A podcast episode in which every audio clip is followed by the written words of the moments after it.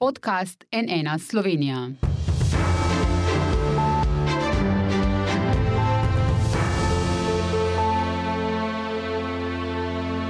Dober dan, to je NN studio. Še nikoli se ni zgodilo, da bi imela vlada takšne težave že pri samem sestavljanju, ali pa da bi opozicija na lasten zakon uložila predlog za razpis referenduma, kar je SDS storila včeraj. Koalicijska pogodba je medtem obsežna, kot že dolgo ne, in tudi netipična. Tudi odzivov na njo je že kar precej. Podpisana naj bi bila v torek, takrat bo tudi uradno nastala levo-sredinska koalicija strank Gibanje Svoboda, Socialni demokrati in Levica. Z mano v studiu pa je Sanja Janovič-Hovnik iz Gibanja Svoboda, ena od glavnih koalicijskih pogajalk, tudi avtoric koalicijske pogodbe in bodoča ministrica za javno pravo. Dobro dan, dobrodošli. Dobar dan. Pa če začneva uh, z včerajšnjim dogajanjem, kjer je bilo kar na trenutke dramatično v državnem zboru. Ne. Takoj na začetku uh, mandat, mandata blokada opozicije, več kot 30 uloženih zakonov že v petek, včeraj dve zahtevi za referendum. Vaš predsednik pravi, da bo vlada vseeno izvoljena po sedanjem zakonu o vladi, da bodo sicer trije ministri malo počakali, ampak da bo vlada vseeno potrjena 3. junija, kot je Robert Golop tudi napovedal. Pa me zanima, kako na te poteze bodoče opozicije, ki pravi, da bo konstruktivna, gledate vi?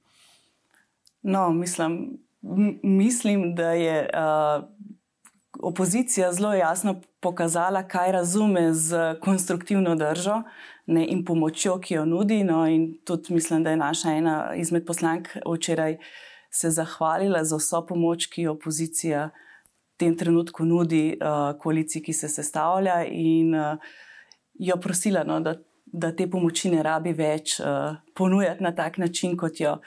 Ja, je nenavadno, no? mislim res, da, da smo bliže priča sestavljanju vlade, kjer se vlada ni uspela ali pa vlado, uh, stranke bodoče koalicije niso uspele dogovoriti. Sedaj imamo ravno obratno situacijo, kjer so se koalicijske stranke, bodoče koalicijske stranke, izredno hitro v bistvu dogovorile tudi glede lastnih prioritet in vsega, pa potem opozicija v bistvu nagaja, ne dovoli, da se sestavi, da vlada začne s svojim delom in uh, začne udejanjati to, kar si je zadala. Ampak vi ste v bistvu s to transparentnostjo, ko ste že vnaprej, že pred volitvami praktično napovedali, kaj bodo vaši prvi koraki, ste v bistvu sami sebe, če tako rečemo, streljili v koleno, ne? ker je to opozicija potem izkoristila in vas prehitela. Recimo najbolj učiten uh, je zakon o RTV, ne? pa tudi zakon o vladi, ne na zadnje. Ne? Absurdno je to v bistvu. Uh mhm. -huh. mislim, Komično na nek način bi jaz rekla. Uh, opozicija je vložila zakon o RTV, pri tem, da je imela vlado, jo še vedno ima, sicer v, uh, ki, vlado, ki upravlja tekoče posle, in v času, v dveh letih eh, svojega vladanja ni bila sposobna vložiti zakon o RTV. Recimo, ker če bi vlada ali pa opozicija dejansko mislila, da je ta zakon potreben, bi ga verjetno pripravili kot uh, vladajoča stranka, ga vložili v zakonodajni postopek, upravili vse redno. Ne? Tako da je v bistvu najmanj, kar je, je nenavadno, ne? da zdaj.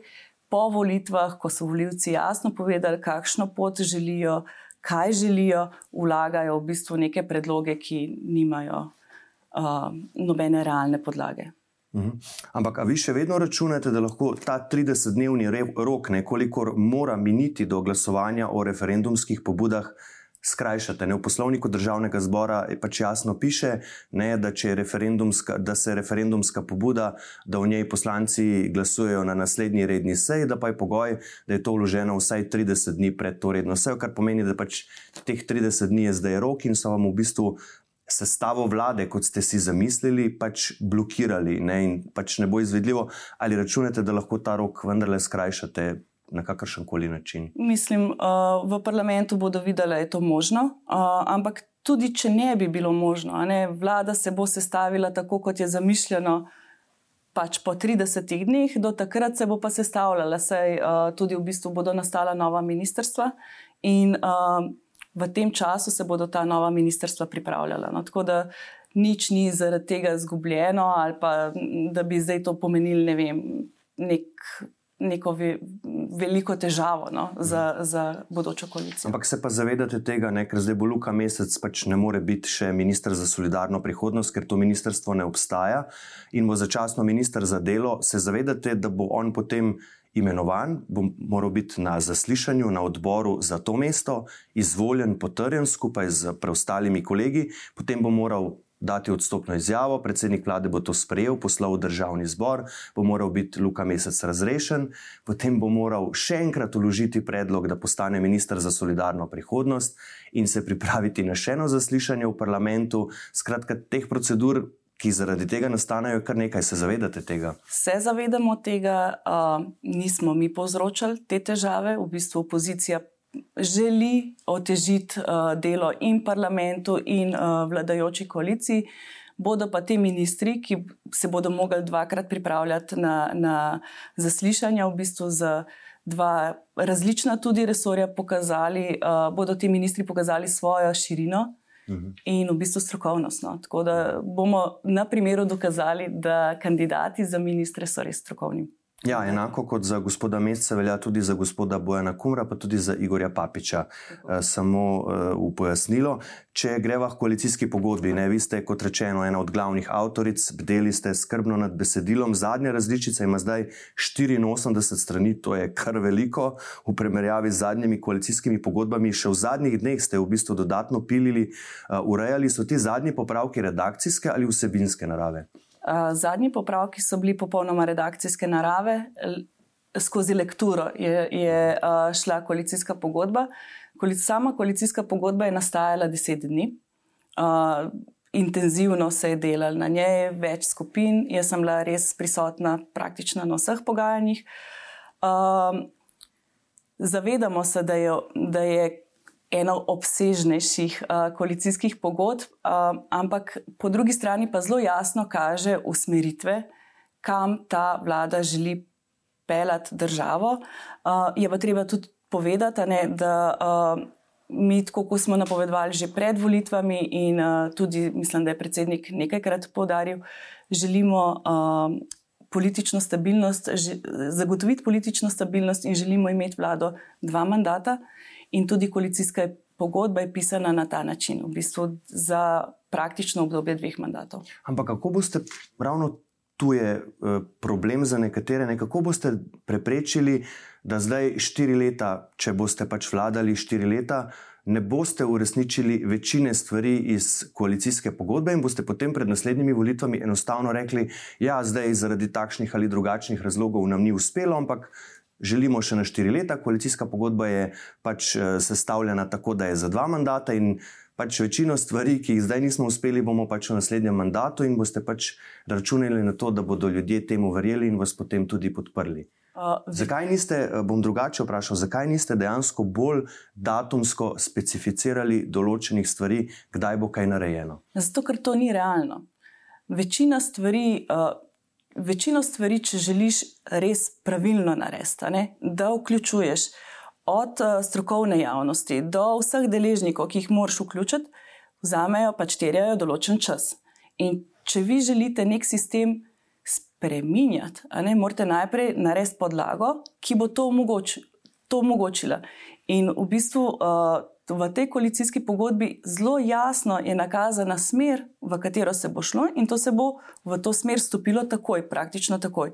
Ampak, recimo, ne, če čisto pri stanovanjih, mislim, da je realno, uh, da, da ni realno pričakovati, da kdorkoli lahko obljubi, ne vem naš cilj je zgraditi 20 tisoč stanovanj in to pričakovati, da bo narejeno v štirih letih. Ne? Ker ni samo zgraditi 20 eh, tisoč stanovanj, je treba še marsikaj pred tem zagotoviti, da lahko pridemo do tega, da se zgradijo stanovanja, pa tudi sama izgradnja, recimo, stanovanj, terja nek čas. Ne? Ampak, če pa rečemo do leta 2030. 30 želimo zagotoviti 20 tisoč najemnih stanovanj, je pa to že mnogo bolj realno, hkrati pa tudi javnosti povemo, ne, da so neka pričakovanja, ki do vlade, ki jo mora imeti, uh, kar pa vlada mora storiti v prvem letu, pa drugem, pa tretjem, da potem res, recimo, do 2030 pridemo in rečemo, da kljub 20 tisoč stanovanj imamo zagotovljenih. Mhm.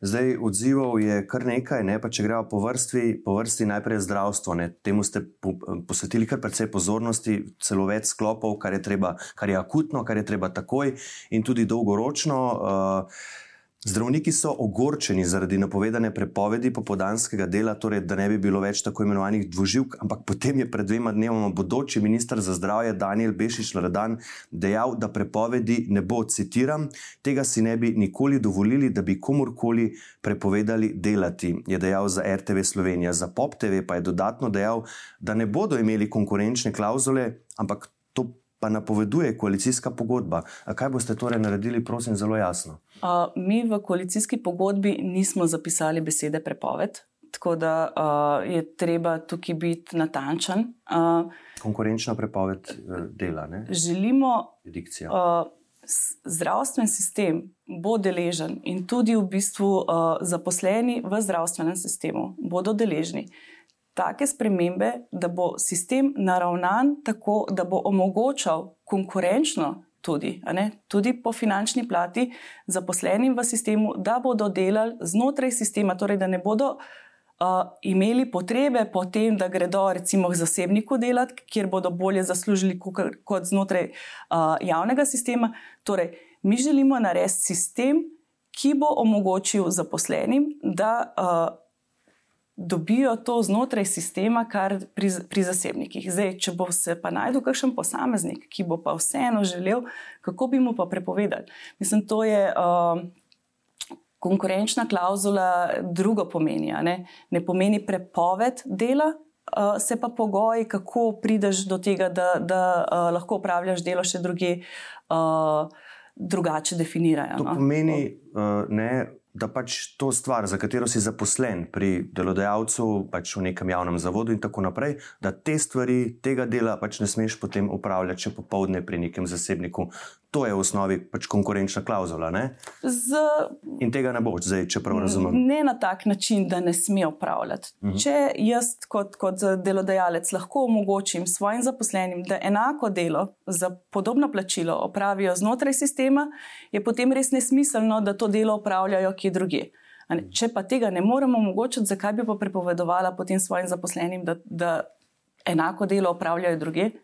Tako da. Uh, s konkurenčno, v bistvu mi želimo sistem narediti uh, dovolj konkurenčen, že sam javni sistem dovolj konkurenčen, da zaposleni znotraj tega sistema ne bodo imeli potrebe po tem, da hodijo vem, po celi Sloveniji ali pa po različnih ambulantah in opravljajo dodatno delo za boljše plačilo. Ampak za to bo potrebna tudi korenita sprememba plačnega sistema, za katerega pa vemo, Vi tudi dobro veste, ne, spoznate se na ekonomiko javnega sektorja, tudi ministrica za javno upravo boste, kakšno je trenutno stanje. Ne. Imeli smo tudi primer, da je prejšnja koalicija oziroma odhajajoča koalicija prek PKP-ja dvignila plačni strop za zdravnike, potem to razveljavilo uh, ustavno sodišče, tudi vas, ko boste zasedli ta stavček, če karikiram za ovinkom, vas že čakajo sindikati uh, javnega sektorja. Kako se boste torej te težave lotili, kaj boste storili s plačnim sistemom, enotnim plačnim sistemom, kot se mu reče?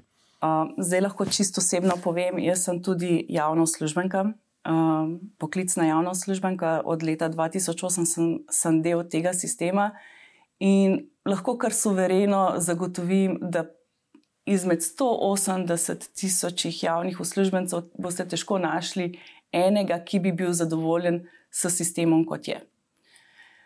Torej, sistem, ki je bil 2008 uveden, nikoli ni bil dokončno uveden, potem so prišle finančne krize, razni vrčevalni ukrepi, kompresije plačnih mhm. lestvic, uh, posamezne skupine znotraj sistema so uh, pogajale določene dodatke, določene, uh, ne, določene pravice so si izpogajale, ampak v bistvu zdaj sistem je tak, da danes praktično ne najdete nikogar, ki bi bil zadovoljen z njim. In kaj boste naredili potem s tem sistemom? Takoj odprla dialog s sindikati, to bo ena mojih prednostnih nalog in uh, uh, mislim nasloviti v bistvu tako uh, stavkovne zahteve.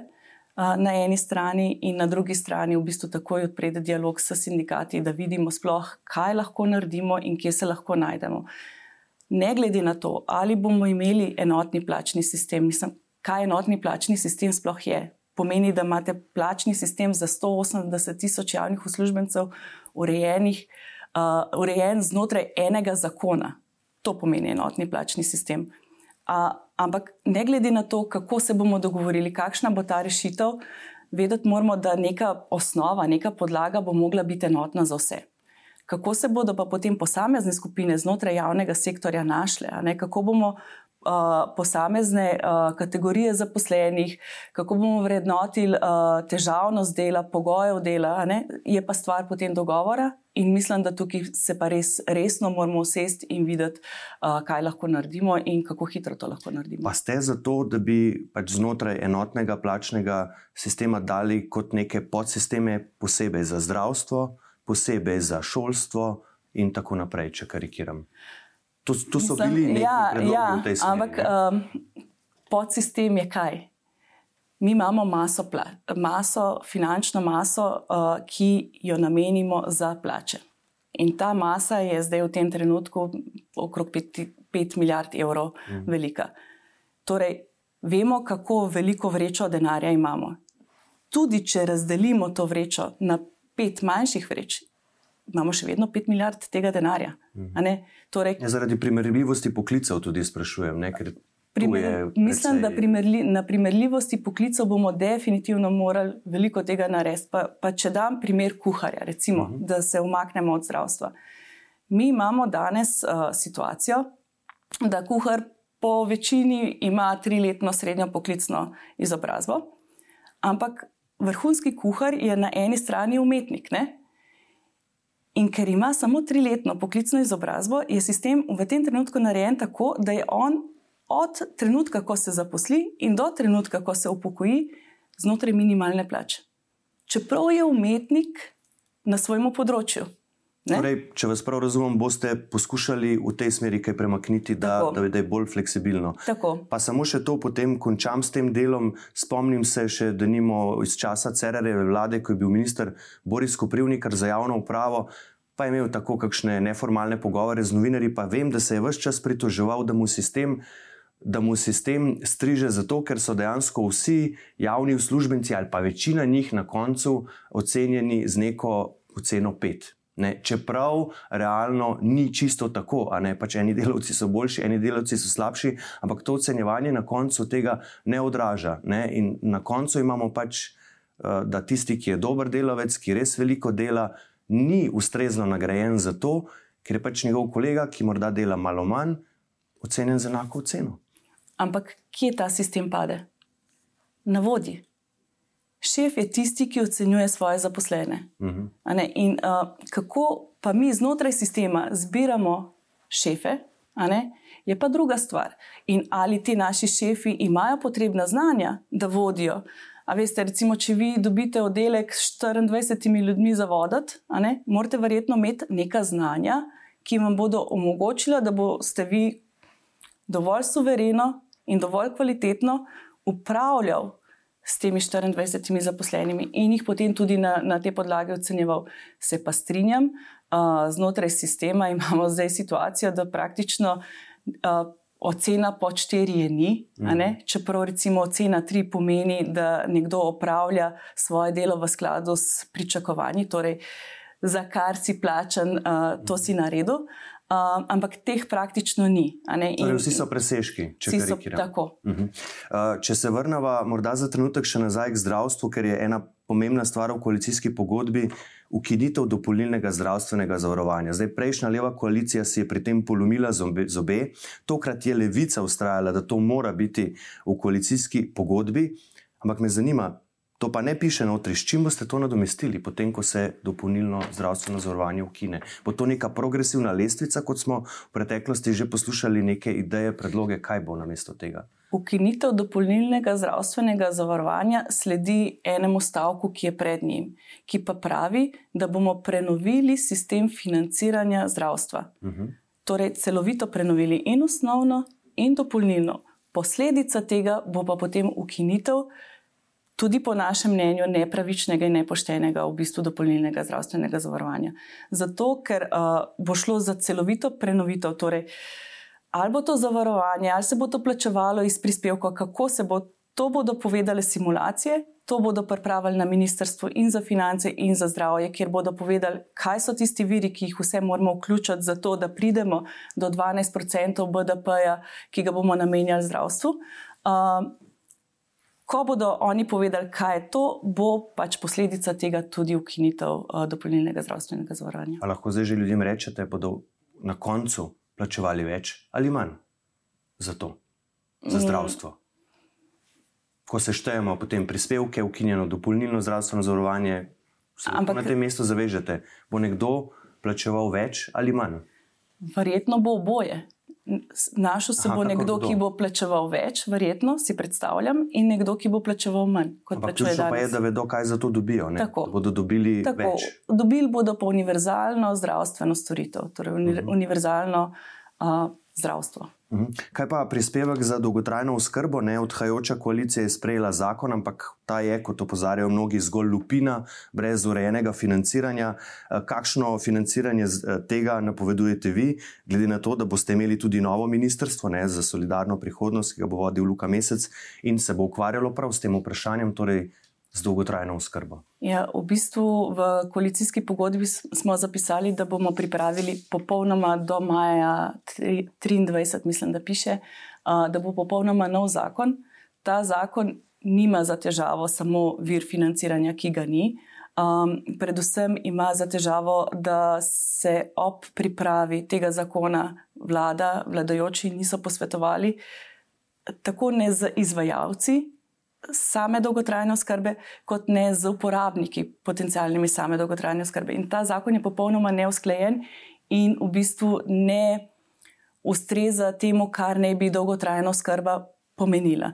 Um, mi smo se zavezali v koalicijski pogodbi, da do maja 2023 bo pripravljen nov zakon, kjer bo to storitev uh, ponovno predelil, jo uskladil z vsemi potrebnimi deležniki in tudi določil vir financiranja. Uh -huh. uh, če nadaljujemo s koalicijsko pogodbo, ekonomisti opozarjajo na kar nekaj stvari, da nimo profesor Marko Pahor pravi, da ima besedilo nekaj precej nevarnih točk, da nimo uvajanje progresivne obdavčitve premoženja. Citiram: Dejstvo je, da je v Sloveniji premoženje proporcionalno podobdavčeno, a progresija pri premoženju je precej unikatna rešitev. Konec navedka. Zakaj ste se torej odločili za tako rešitev, po kakšnih stopnjah bo šla ta obdavčitev in kako odgovarjate na, na pomisleke? Ne na zadnje, ne?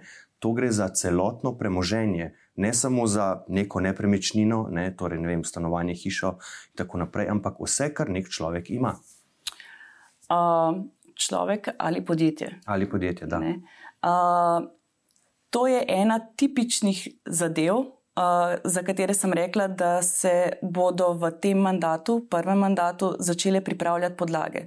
Pa recimo, če mogoče ni. Uh, unikum, torej imeti progresivno obdavčitev premoženja v svetu ali v Evropi. Mislim, da ste tudi na vašem portalu navajali nekaj primerov, da. kjer to že je. Švica, da nima. Uh, ja.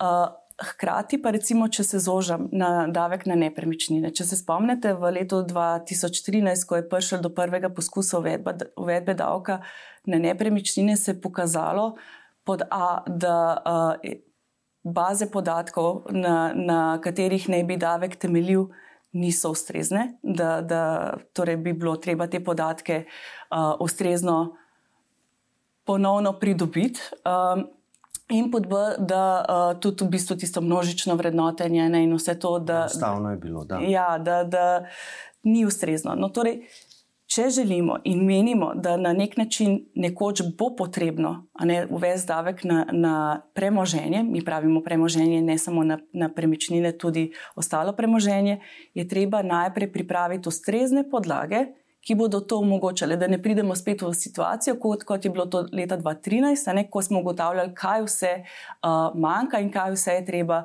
še pridobiti, zato da bi se potem to ustrezno uvedli. No, in da tista panika, če se spomnite, pa na Gursu, ko se je čakalo. No, torej, mi smo tu napovedali, da podlage bomo začeli pripravljati, normalno, tudi primerjalno tudi pogledali in tudi informirali ljudi, kaj počnemo in zakaj to počnemo. Kaj na koncu dneva bodo tudi ti ljudje dobili od tega pobranega davka. Mm. Uh, ampak, če greva tako čisto v praktičen primer, ne? jaz recimo letos si kupim nov avto. Ne? in potem kaj, naslednje leto, 1. januarja ali pač kakršen datum boste pač postavili, moram jaz potem poročati davčni upravi, da sem kupil nov avto in da se je moje premoženje povečalo za ne vem. Pač. Ampak zakaj bi vi poročali? Ne vem, davčni upravi, se eh, davčna ste si uprava. zamislili, bi- ne, te stvari. Se pravi, to, tu smo si zamislili, zamislili. Identificirali smo zadevo, ki bi jo morali urediti. Dobro. Kako jo bomo pa uredili, bo pa čas pokazal. Aha, potem- Ampak, recimo, če pa se čisto stavim pri vašem avtomobilu, ne? Primer, da. Primer, ja. A, zakaj bi država potrebovala od vas podatek, da ste vi kupili ta avto? Če ste ga registrirali, ste se verjetno nekje že a, tudi zavedli kot lastnik tega avtomobila. Tudi to je ena izmed stvari, ki pa pač bo prioritetno obravnavana, To so se, te poenotene baze podatkov. tako, ne. Da se te podatki začnejo izmenjevati. Da mi kot državljani nam ni treba za vsako stvar pač posebej poročati, ampak je pač to že, Tako. že v, v evidencah in to enotnih, če je to, če je to možno. Tako. ne. Uh, zdaj, ekonomist Mitja Kovač pa je v pogovoru za STA nad besedilom koalicijske pogodbe dejal, da je šokiran in globoko razočaran. Citiram: Na mesto prejšnjega desnega populizma dobivamo zdaj očitno ekstremno levi populizem. Eh, Predlagana koalicijska pogodba predstavlja primer pravega, sicer popolnoma preživetega centralno-planskega reguliranja celotnih ekonomskih sektorjev in družbenih sistemov, urebitna uveljavitev takšne koalicijske pogodbe pa prava receptura za ekonomsko katastrofo. Konec citata, morda kak komentar te ostre izjave. Uh, ne vem, kaj bi komentirala na to. Uh, mi smo uh, pred volitvami napovedovali, da želimo pravično družbo. Uh, ne more biti ta družba taka, da imamo 70 tisoč upokojencev, ki živijo pod pragom revščine. Ne moramo biti, ne moramo, ne, ne moramo biti zadovoljni z družbo, kjer 70% zaposlenih ne dosega povprečne plače v, v Sloveniji. Uh, jaz mislim, da, je, da to more biti cilj, ne, da imamo pošteno, solidarno in tržno naravnano družbo. Eh, Napovedujete pa tudi razveljavitev določb eh, letošnje oziroma lanske, zdaj že ne, novele zakona o dohodnini z letom 2023. Zdaj na gospodarski zbornici Slovenije pravijo, citiram, eh, iz generalnega direktorja Aleša Kantarutija pravijo, da bi to zaustavilo razbremenitev plač zaposlenim ter preprečilo, da bi ti prejeli više neto plače ob enaki bruto plači. Eh, Rast zasebne potrošnje, ki predstavlja 55 odstotkov BDP, bi se s tem po oceni analitike GZS upočasnila vsaj za pol odstotne točke, eh, kar pomeni četrtino odstotne točke nižjo pričakovano gospodarsko rast. V obdobju, ko gospodarska rast počasi upada, pojenja, ne, obdobje visoke rasti je več kot očitno za nami, eh, negotove razmere. Eh, Kako odgovarjate na te pomisleke in kaj boste rekli ljudem, ki so nekako pričakovali, da bodo na koncu meseca pač dobili na račune više, net, više neto plače, ko bi se pač splošna olajšava dvignila do 7500 evrov, zdaj se pa to ne bo zgodilo.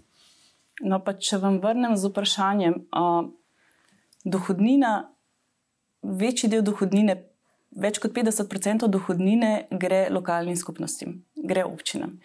In predstavlja v bistvu razvojni denar občine, in tudi v bistvu občine financirajo skozi ta denar, ki ga dobijo iz dohodnine, vrtce, uh, določene socialne pravice svojih občanov, uh, ampak bistven element pa pomeni razvojni denar. Uh, na eni strani vzamete denar, ok, ampak kaj pa z odhodki? Ne? Če smo rekli, ok, proračun v tem trenutku ne potrebuje 800 milijonov, uh, kolikor je ocenjeno, da bi, da bi na koncu uh, ta zakon uh, pomenil izpada v, v obeh proračunih, torej uh, lokalnih skupnostih in državnem proračunu. Ampak kje smo pa mi za 800 milijonov zmanjšali odhodke? Ne? To ne morete delati samo eno stran, drugo stran pa pustiti, pa potem reči, se bo že, bo pa gospodarska rast to pokrila. Ne bo pokrila in ne pokrije. In še enkrat, jaz mislim, da uh, dokler imamo tudi energetsko draginjo, ki jo bomo oblažili tudi z pobranimi davki, dokler imamo energetsko revščino, veliko naših gospodinstv živi v energetski revščini in se. Uh, Nekaj mesecev smo sedaj poslušali težave, ki jih imajo starejši um, ali pa matere, samohranilke za stroški ogrevanja. S čim pa bomo blažili te, te, te ukrepe, te, te, te posledice vojne, ki so pač uh, zdaj prisotni in so realnost. Torej, davke, ki jih poberemo, tudi dohodnino, mi koristimo na, na drugi strani ali za socialne pravice, ali varstvene dodatke, ali pa pač to predstavlja razvojni denar. In uh, mi menimo, da, kot sem že prej rekla, dokler imamo 70% zaposlenih, ki ne dosega poprečne plače v državi, si ne moremo privoščiti da nehamo pobirati davke. Ampak to je statistika.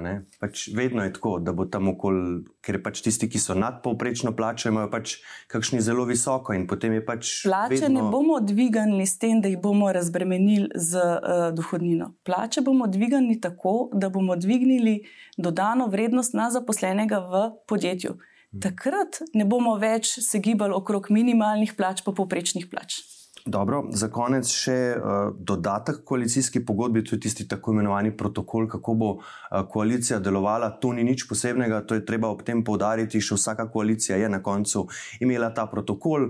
To je v bistvu nekako pravila igre, kako se kakšna stvar koalicijsko usklajuje, kakšni so ti postopki, preden to pride na vlado, uh, na koalicijo, na koordinacijo vodij poslanskih skupin koalicije in tako naprej. Tu so bile neke pripombe, ne, da, bo imel, da bo imel pri vseh eh, postopkih zadnjo besedo predsednik vlade, torej Robert Golob, sam ima diskrecijsko pravico, da nekaj umakne iz usklajevanja, da nekaj umakne se vlade. Pa me zanima, glede na to, da je tudi vaša kampanja pred volitvami slonila na očitkih. Uh, Odhajajoči koaliciji, da zlasti predsedniku Janezu Janšu, da deluje avtokratsko, da dejansko vsem odloča on, Pa se vam ne zdi, da ta protokol, kot je zastavljen, dejansko ne omogoča tudi vašemu predsedniku vlade kar precej uh, besede, zadnje besede? Jaz osebno menim, da vsak predsednik vlade mora imeti pravico zadnje besede, ker na koncu dneva največjo odgovornost za uspeh te vlade bo nosil on mhm. ali pa ona, ne? ampak v našem primeru on. Uh, ta protokol naš govori o tem, kako se usklajuje in da se uh, prvenstveno vse vsebine morajo uskladiti. Pridejo pa situacije, ko kdaj nisi usklajen in se glede določene vsebine ne moreš uskladiti, in v teh trenutkih je pa pač predvideno, kako ravnati, da uh, da na nek predpisan način, no, zdaj pod narekovaj, če rečem predpisan način, da še vedno uh, koalicija, koalicija deluje usklajeno, tudi ko ni usklajena, glede posamezne osebine. Mm, ja, ker v takih primerih bo odločal predsednik vlade Robert Golo. Bomo videli, kako bo vse skupaj delovalo. Gospa Sanja Janovič-Hovnik, najlepša hvala, da ste prišli v naš studio in pojasnili nekaj podrobnosti glede koalicijske pogodbe. Hvala lepa. Hvala. Hvala pa tudi vam za vašo pozornost. Seveda, eh, celotno besedilo koalicijske pogodbe nastajajoče vlade lahko najdete na naši spletni strani. Tudi vse odzive, ki so sledili, če ste morda začetek oddaje zamudili, bo seveda v kratkem tudi ta v celoti na voljo na naši spletni strani nnainfo.si. Spremljajte nas iz studija, pa le še lepo zdrav in nasvidenje.